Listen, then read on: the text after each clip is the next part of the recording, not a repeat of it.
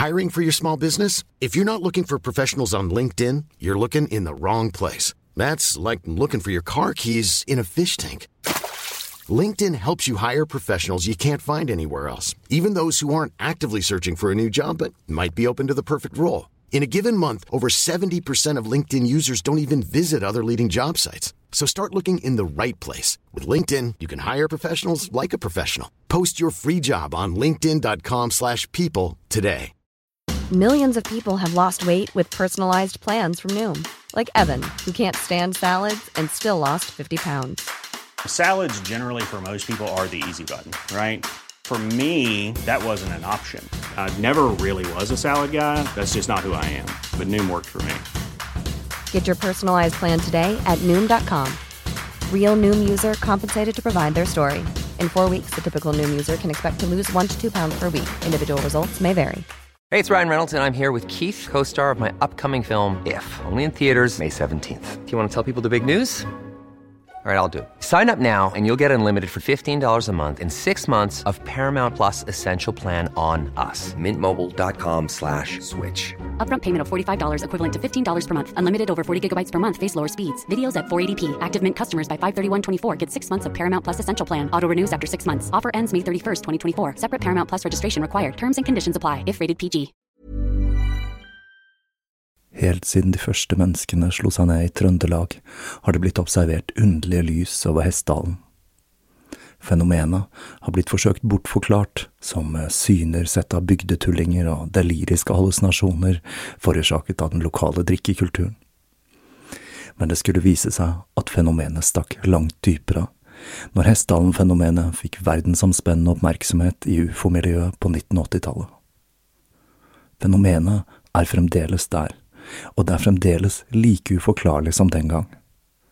I 2024 kommer en podkastserie i seks deler, produsert av Project Hessdalen, som kanskje en gang for alle skal finne svar på hva som rører seg på himmelen i denne bortgjemte dalen i Trøndelag.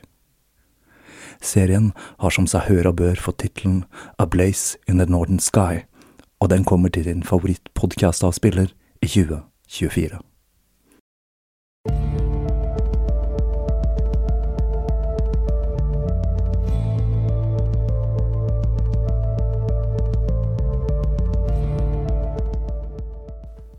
Hei og velkommen til Tåkeprat. Jeg heter Even, og når jeg tar opp denne episode 163, er det mandag den 14. juni 2021. I flere år har jeg fått ønsker om å ta for meg den damen jeg skal kikke litt nærmere på nå, og det er ikke så rart. Denne damen var en stjerne på den okkulte himmelen i Vesten, og hun måtte på et eller annet tidspunkt få en egen serie her i Tåkeprat. Noe annet hadde vært uhørt. Jeg har jo allerede tatt for meg mastodonter som Crowley og Blavatsky, og til og med mer obskure karakterer som Gurdjieff.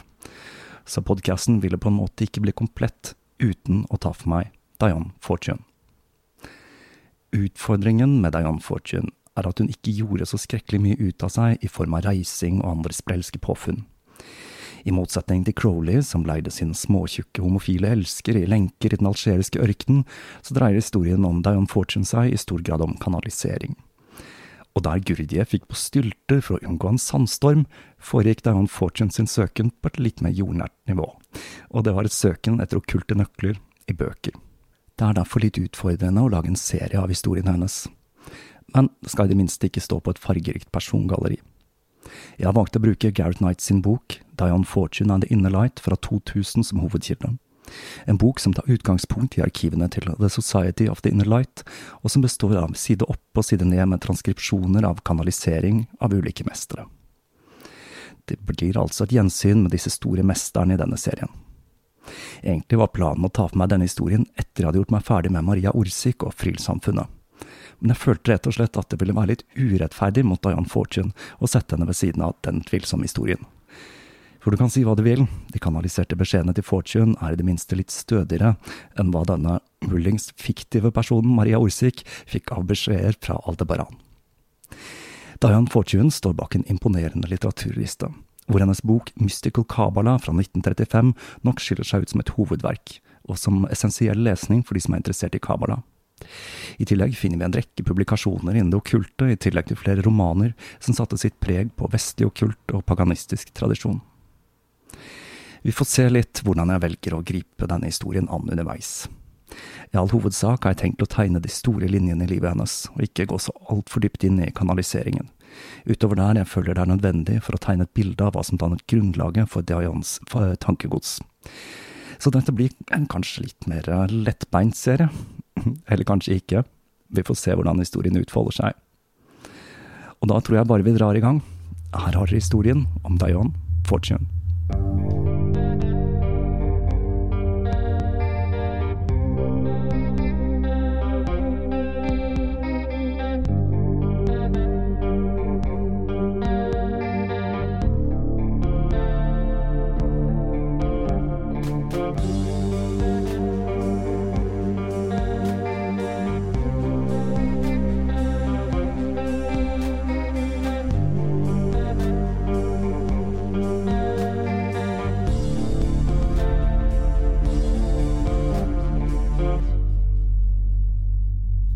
Violet Firth ble født inn i den øvre middelklassen i Wales den 6. desember 1890.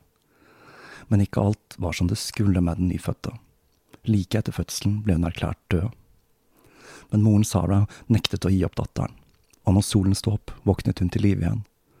Moren så inn i øynene hennes og innså at det ikke lenger var øynene til et barn. Slik går nå i alle fall historien. Og Diane, som altså ble døpt Violet, Diane Fortune er et kunstnernavn, var et meget spesielt barn, med en svært aktiv fantasi. Som barn begynte hun å få bilder i hodet av ukjente landskap og personer hun aldri hadde møtt i den virkelige verden. Et bilde som gikk igjen, var av en strand med et slettelandskap bak, og en fjellkjede som tårnet seg mot himmelen i det fjerne. En elv snirklet seg over sletten. Det var ikke trygt å nærme seg den, da det skjulte seg navnløse udyr blant trærne langs elvens bredd. På samme måte var det ikke trygt å nærme seg havet, da det bodde manertlignende vesener der. Men det var ikke for det. Det var et herlig sted med en mørkblå himmel og en kobberfarget sol, og solen, det var noe som gjorde spesielt inntrykk på henne. Det bodde mennesker der, fattige mennesker som bodde i stråhytter og levde av å fiske. Fiskerne ble ofte tatt av tingene som bodde i havet, og det var så farlig å nærme seg dem, da de selv spiste små barn som var kommet på avveie. Dette scenarioet hun så for seg i barndommen, skulle senere danne bakteppet for romanen hennes Sjøprestinnen. Men når hun hadde disse visjonene i en alder av tolv år, så flyttet hun med familien sin til Somerset. Der skulle hun begynne å vise seg som en ivrig skribent. Violet skrev nemlig dikt, og familien hennes publiserte disse i to samlinger, Fioler og Flere fioler. Og selv om det kanskje ikke var den høyeste litterære kvaliteten på disse, så ble et av diktene publisert i et magasin av en overbærende redaktør. Det at eh, Violet ble født i Wales, gjorde ikke at hun identifiserte seg spesielt sterkt med keltisk kultur. Familien kom fra en lang linje med stålprodusenter, og den kunne spores tilbake til Sheffield helt til 1532. Navnet Firth det stammer visstnok fra det norrøne fjord, noe som førte til at Violet så på seg selv som en etterkommer av vikinger. Når hun var 14, konverterte familien til Christian Science, som jeg heretter kommer til å kalle kristenvitenskap. Dette er en amerikansk religiøs retning som ble grunnlagt av Mary Baker Eddy i 1879, og som forfekter et åndelig helbredelsessystem basert på bønn, og de fornekter sykdom, død og den materielle verden. Dette har ført til at medlemmene ofte sier nei til tradisjonell medisinsk behandling, og dertil at man har hatt en rekke dødsfall, blant annet blant barn av medlemmer som har blitt nektet medisinsk behandling på religiøst grunnlag. Da snakker vi antivakser 2.0, altså. Det at eh, tro kunne helbrede, var noe som satte sitt preg på Violet, selv om hun selv aldri konverterte til religionen. Besteforeldrene døde når hun var 16, og moren og faren flyttet til London, hvor moren Sara ble registrert som en utøver av kristenvitenskap, og dermed ble hun en helbreder som var tilgjengelig for offentligheten. Men i 1922 skulle hun og ektemannen bryte med kirken, og de flyttet til Letchworth i Hertfordshire. De hadde nemlig latt seg fascinere av det nye konseptet hagebyer et konsept som hadde blitt introdusert av Ebenezer Howard sin bok Morgendagen, en fredfylt vei til ekte forandring, hvor han skrev om en ny type byplanlegging, der man kunne kombinere landlighet med det praktiske ved å bo i en by. I 1903 så dannet han et forbund som kjøpte eiendom i Letchworth for å realisere denne drømmen. Det resulterte i Homsgarth, et lite samfunn hvor Firth-familien flyttet i 1922, etter plassen hadde vokst og hadde skiftet navn til Solersot Hall. Dette høres jo unektelig ut som et slags tidlig hippiesamfunn. På dette stedet skulle de komme i kontakt med Kitty Tudor Pole og Alice Buckton, som begge hadde en tilknytning til Glastonbury. Kitty hadde flyttet til Letchworth pga. sine foreldre som hadde bygd hus der i 1908, og hun hadde en litt artig historie. Hun var nemlig en av de tre vokterne av Gralen, for det hadde seg slik at en viss doktor John Goodchild hadde tatt med seg en antikk kalk fra Italia i 1885, som han hadde begravet i en myr ved Glastonbury, på en plass som var kjent som Brudens brønn i 1898, og han hadde begynt å valfarte til denne plassen årlig. Kalken den hadde blitt oppdaget av to søstre, Janet og Kristin Allen, og vennene deres, Wellesley og Catherine Tudor Paul, eller Kitty. De to søstrene skulle etter hvert bli utnevnt til Gralens voktere, og gikk under kallenavnet Triaden. Var ikke mer moro enn man lager selv, sier nå jeg. Kitty og foreldrene hennes var naboer til Firth-familien, og Kitty fortsatte med pilegrimsreiser til denne kalken i årenes løp. Alice Buckton var en nær venn av Kitty, som var en skribent og poet med sans for det mystiske. I tillegg var hun en aktiv feminist og kristen sosialist, og hun var en slags institusjon i Glastonbury. Hun hadde blitt interessert i plassen i 1907 når hun hadde hørt broren til Kitty, Wellesley, snakke om denne kalken. Hun fikk inspirasjon til å danne et eget kvinnesamfunn i Glastonbury, og fikk kjøpt Brudebrønnen i 1912, og i 1914 hadde hun etablert et kunstnersamfunn for betalende gjester der. Hun skulle forbli nær fram til sin død i 1944, og det ble opprettet et fond for å bevare plassen som et hellig sted, noe det er den dag i dag. Nå skal vi ikke ta helt av med denne litt underlige historien om den hellige gralen i Glastonbury. Men historien om gralen hadde nok en betydelig påvirkning på den unge jenta, og ikke minst så vekte nysgjerrigheten hennes for Glastonbury. Det var en annen person som senere skulle introdusere henne for dypere okkultisme, og det var Maya Curtis Webb, som var et høyerestående medlem av Alpha et Omega, en gren av The Hermetic Order of the Golden Dawn. Men interessen hennes for magisk arbeid skulle ikke blomstre før i midten av 20-årene. I tenårene vokste hun opp til å bli en meget bestemt ung dame. Så bestemt at foreldrene sendte henne til en kostskole for unge damer med emosjonelle problemer. Pedagogikken ved skolen baserte seg på å få jentene på rett kjøl og lære dem hagebruk. Studley Horticultural College for Women hadde blitt stiftet av grevinnen av Warwick, og var tenkt å gi kvinner en utdannelse slik at de kunne livnære seg i en epoke da det var få muligheter for kvinner til å gjøre dette. I 1903 hadde hun kjøpt Studley Castle i Warwickshire, et bygg fra 1600-tallet som hun bygde på for å få plass til elevene. Skolen hadde først gjort det svært bra, men i 1908 hadde hun mistet mye av den finansielle støtten til aristokratiet, og med det så hadde det gått nedover med geskjeften, og flere lærere og ansatte hadde sagt opp stillingene sine. Alt dette skjedde like før Violet Firth startet der i 1911, og skolen hadde akkurat fått en ny rektor som hadde blitt ansatt for å få skolen på rett kjøl igjen. Dette var doktor Lillas Hamilton, en underlig kvinne med en oransje parykk og formløs kjole. Men til tross for den litt rare framtoningen, så hadde hun erfaring med administrasjon. Hun hadde utdannet seg til lege i 1890, noe som må sies å være en bragd for en kvinne i viktoriatiden. Etter endt utdannelse dro hun til India, hvor hun etablerte en klinikk, og hun ble etter hvert ansvarlig for Dufferin-sykehuset i Calcutta. I 1894 dro hun til Afghanistan, hvor hun ble hofflegen til amiren, men tre år senere måtte hun forlate landet av en oppblussing av krig. Tilbake i England startet hun et konsulentfirma, før hun dro til Sør-Afrika, hvor hun drev en gård sammen med broren. I tillegg skrev hun et par bøker før hun ble tilbudt stillingen som rektor. Doktor Hamilton var altså mer enn godt nok kvalifisert. Hun var lege, og kunne dermed behandle disse emosjonelle problemene, som vel neppe dreide seg om noe mer enn vanlige tenåringsutfordringer. Og I tillegg så hadde hun jo erfaring med landbruk. Det var ikke en lett jobb hun hadde takket ja til. Hun var nødt til å få skolen til å gå med profitt, og dem var blitt skjemt bort med store bidrag fra aristokratiet. Hun måtte betale staben, gjøre hagedriften profitabel, i tillegg til å gi jentene en utdannelse, og det var ikke bare bare. Presset gjorde at hun utviklet et temperament, og lederstilen hennes ble sagt å være brutal. I løpet av de første fem ukene sparket hun elleve ansatte, med et løfte om at det ville bli flere avskjedigelser etter hvert. Violet utmerket seg som spesielt dyktig med fjørkre, og når hun hadde fullført utdannelsen sin ved skolen i januar 1913, ble hun ansatt og fikk ansvaret for fuglene. Dette var en stilling hun ikke skulle ha spesielt lenge, når hun havnet i klinsj med rektoren. I boka til Dion, Psychic Self-Defense, skriver hun om hvordan dr. Hamilton var en mester til å hale ut informasjon av ansatte hun mente hadde gjort noe galt.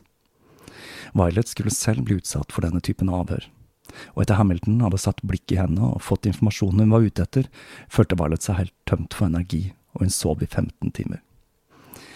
Og en psykisk vampyrisme, det husker vi jo som et av favorittemaene til grunnleggeren av Church of Satan, Anton LaVey. Like etter hun fikk jobben som fjørkreansvarlig, oppdaget Violet at rektoren forsøkte å bøte på den skrantende økonomien ved å hale ut ekstra mye penger av de mest velstående studentene. Det toppet seg for henne når hun oppdaget at rektorens siste offer var en tilbakestående dame som de kalte tante Barclay. Dette stred mot Violets rettferdighetssans, og mens rektoren var borte, fikk hun sendt damen tilbake til slektningene sine. Dette ble selvsagt oppdaget, og Violet var klar over at hun risikerte å bli avskjediget uten referanse, så hun bestemte seg for å ta saken i egne hender, pakke kofferten sin og gjorde seg klar til å si opp stillingen. If you thought the only way to get a more defined jawline with natural looking results was through surgery, think again. Juvederm Volux XC is a non surgical injectable gel filler that improves moderate to severe loss of jawline definition and can help you achieve natural looking results with little downtime. Even better, this improved definition lasts up to one year with optimal treatment. No maintenance required. Improve jawline definition for a smooth, sculpted look with Juvederm Volux XC. For important safety information and to find a licensed specialist, visit juvederm.com. That's J U V E D E R M.com. Not for people with severe allergic reactions, allergies to lidocaine, or the proteins used in Juvederm. Common side effects include injection site redness, swelling, pain, tenderness, firmness, lumps, bumps, bruising, discoloration, or itching. There's a risk of unintentional injection into a blood vessel, which can cause vision abnormalities, blindness, stroke, temporary scabs, or scarring. Talk to a licensed specialist to find out if it's right for you. I'm Sandra, and I'm just the professional your small business was looking for. But you didn't hire me because you didn't use LinkedIn jobs. LinkedIn has professionals you can't find anywhere else, including those who aren't actively looking for a new job but might be open to the perfect role, like me. In a given month, over 70% of LinkedIn users don't visit other leading job sites. So if you're not looking on LinkedIn, you'll miss out on great candidates like Sandra. Start hiring professionals like a professional. Post your free job on linkedin.com slash people today. En av studentene advarte henne og sa at det nok var best om hun dro fra skolen uten å konfrontere rektoren, men det rådet hørte hun ikke på. Når hun la fram saken sin for dr. Hamilton, viste rektoren ingen følelser, men bare stirret på jenta. Så sa hun, ok, du kan dra om du må, men først må du innrømme at du er inkompetent. Violet ble helt satt ut, og nektet å gi seg. Rektoren var helt uttrykksløs, stirret på henne og gjentok, du er inkompetent, det vet du, du har ikke selvtillit, du må innrømme det. Violet fortsatte å protestere, men rektoren gjentok, du er inkompetent, det vet du, du har ikke selvtillit, og du må innrømme det. Slik fortsatte det, hele fire timer før Violet til slutt ga opp, brøt sammen og gjorde slik rektoren ville. Dr. Hamilton sa at hun kunne gå tilbake til rommet sitt. Det gjorde hun, og da kollapset hun på senga hvor hun sov i 30 timer. Bye.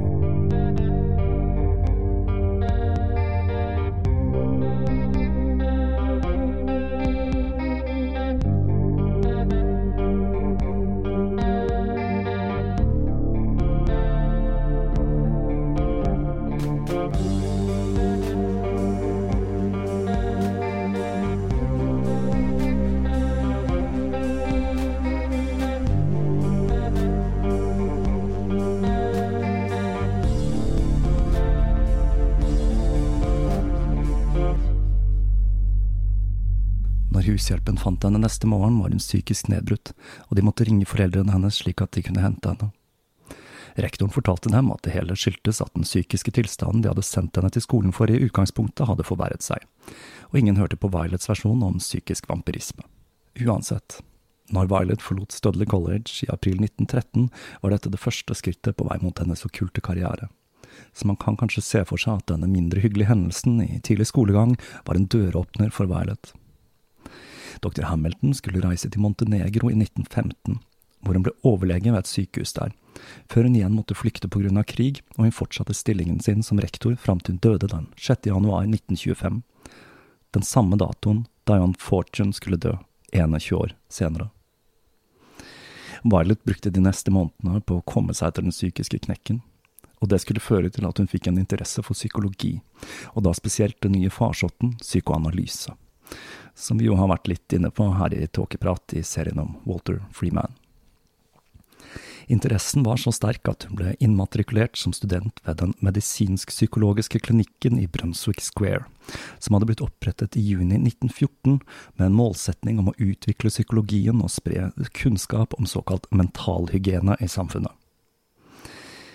Det ble snart klart at de fleste pasientene trengte å lære seg om sin egen syke framfor medisinsk behandling, og dette ble raskt fokuset ved klinikken.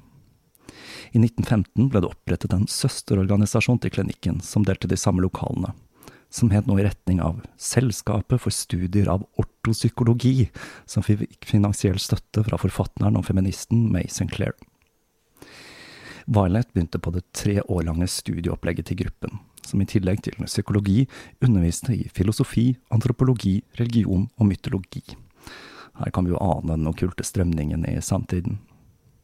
Violet skulle ikke fullføre studiene. Til det var hun rett og slett for dyktig, så etter ikke så lang tid så begynte hun å hjelpe de andre studentene, og holdt selv forelesninger om grunnleggende prinsipper innen psykologi, som senere ble publisert som Sykens maskineri. Studentene fikk ansvaret for å følge opp pasienter med samtaleterapi. Det skulle vise seg at svært mange av pasientene led av skam og skyldfølelse i forbindelse med seksualitet, noe hun skulle skrive om i sin senere bok Problemet med renhet. I denne boken kommer det fram at hun ikke var enig med Freud i at alle problemer startet med seksualitet, og i hennes samtaler forsøkte hun å få pasientene til å se på sex som en hellig handling. I tillegg til samtaleterapi benyttet hun seg av visualiseringsteknikker, som passer hånd i hanske med esoterisk tradisjon, til tross for at hun ikke visste noe om det okkulte på dette tidspunktet. Violet pleide å spise lunsj i kantina til det teosofiske samfunnet, som hadde lokaler like i nærheten. En dag ble hun nysgjerrig og ble med på en forelesning om telepati. Foreleseren gjorde en demonstrasjon der hun prosjekterte et bilde til publikum, Violet ble overrasket når hun fikk et bilde av delfiner i hodet, hvorpå foreleseren fortalte at det var akkurat det hun hadde sendt ut, og enda mer overrasket da eksperimentet ble gjentatt og hun fikk et bilde av blomster. Blomster og delfiner der, altså men det skulle skje andre ting som fikk Violet til å lure på om det var mer mellom himmel og jord enn hva vitenskapen hadde avdekket. En av pasientene ved klinikken begynte nemlig å manifestere ulike fenomener. Dører åpnet og lukket seg i nærheten av den unge mannen, og Violet bestemte seg for å ta kontakt med en bekjent, doktor Theodor Moriarty, en irra som akkurat var kommet tilbake fra Sør-Afrika, og som ble sagt å være bevandret i det okkulte. Og han må ha vært litt av en type de samlet seg på klinikken, hvorpå dørene begynte å åpne og lukke seg, akkompagnert av nabolagets hunder som satte i gang å gjø. Moriarty erklærte at han følte en tilstedeværelse, og når de skrudde ned lysene, så de en glødende skikkelse i hjørnet av rommet, og de kunne merke at huden begynte å prikke om de nærmet seg den. Moriarty tok til å jage åpenbaringen, fanget den på badet og absorberte den i sin egen aura, en påkjenning som visstnok gjorde at han svimet av, og pasienten ble umiddelbart bedre etter et opptrinne. Han, Moriarty han var ganske sprek, altså. Fordi fetteren til denne pasienten hadde rømt fra vestfronten ved hjelp av sin velstående familie fordi han hadde blitt anklaget for nekrofili. Saken var den at han hadde inngått et homofilt forhold til en annen soldat, og han pleide å bite elskeren sin i halsen. Moriarty fortalte at dette skyldtes ånden til en soldat fra Øst-Europa som gikk igjen, og at han hadde hørt om denne typen parasittiske livsenergistjelere i Transilvania. Ok. Disse hendelsene skulle ikke bare føre til at Violet fikk en interesse for det okkulte, men hun skulle også bestemme seg for at psykoterapi ikke var noe for henne. Og med det sa hun opp stillingen sin og ble med i hæren. Det var 1916, og kvinnenes landarmé var blitt opprettet for å overta arbeidet til jordbrukere som hadde dratt i krigen. Det neste året ble hun utstasjonert på en gård mellom Hethfordshire og Essex. Det var hardt arbeid, men livet på gården skulle gi henne inspirasjon til hennes senere bøker.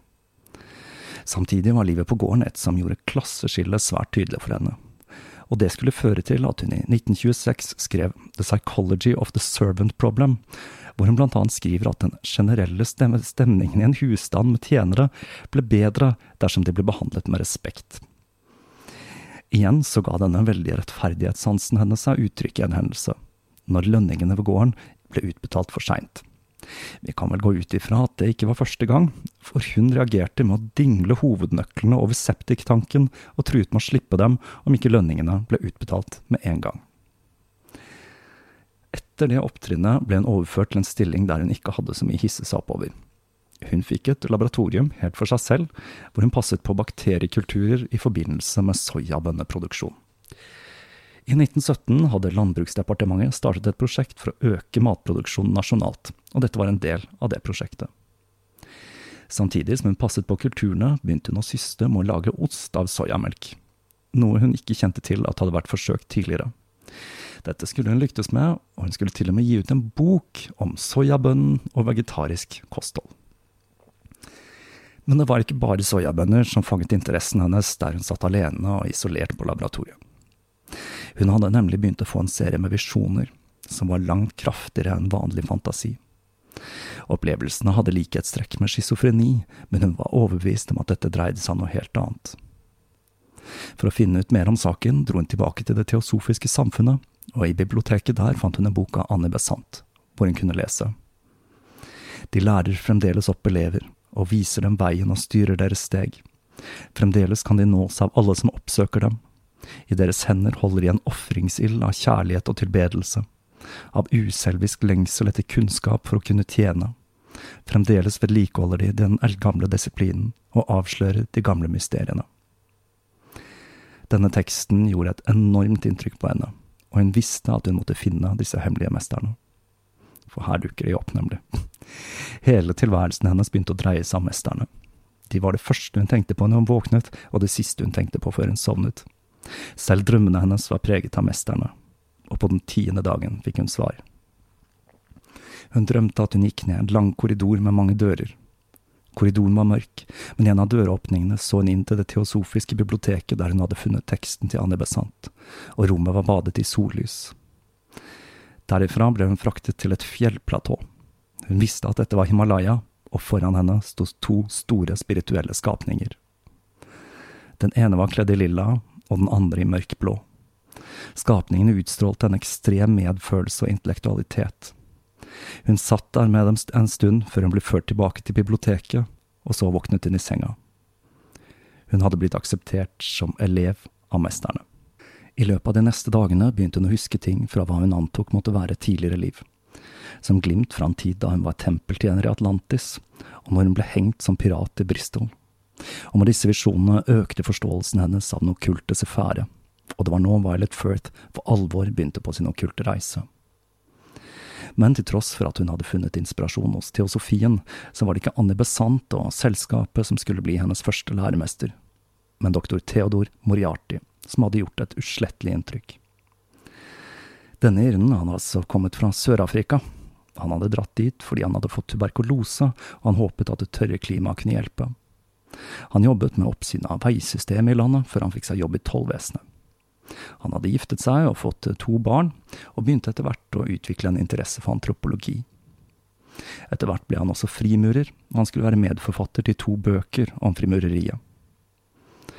Moriarty hadde altså et rykte som en dreven okkultist og esoterisk læremester, og han forfektet et egenkomponert system, universell teosofi, som var en form for vestlig orientert utgave av Blavatskys teosofi antagelig ikke helt ulikt hva Rudolf Steiner syslet med. Når han kom til England, fikk han hjelp av tre søstre med å etablere seg. Dette var døtrene til Francis Allen fra Norfolk, som stilte med lokaler til forelesninger og kurs. Det var Moriarty som skulle inspirere Violet til å skrive sin første fiksjonshistorie, hvor hovedpersonen, dr. Taverner, var basert på Moriarty. Historien gikk som en følgetong i magasinet Royal mellom februar og juli 1922 og dette var første gangen hun skulle skrive under kunstnernavnet Dion Fortune. Historiene føyer seg godt inn i pulp-sjangeren, men her begynner Dayon å lefle med elementalkrefter, telepati og andre okkulte fenomener. I en av disse historiene er helten en dreven seremoniell magiker, og det var Moriarty også. Han var en tilhenger av sammureri, som vi husker som en gren av frimureriet som tillot kvinner. Og om jeg ikke husker helt feil, så var dette et esoterisk samfunn hvor det var veldig mye krangling, spesielt i Frankrike. Selv om det er usikkert om Moriarty var sanksjonert til dette, så åpnet han en sammurerilosje i Sinclair Road i Hammersmith, hvor Dion Fortune var ett av åtte medlemmer. Men året etter figurerer hun ikke lenger i medlemslistene. Mye sannsynlig fordi hun begynte å assosiere seg med The Hermetic Order of the Golden Dawn i 1921. Men til tross for dette så hadde hun en stor respekt for Moriarty resten av livet. Denne underlige skruen som delte hennes interesse for blant annet Atlantis, healing og transestadier.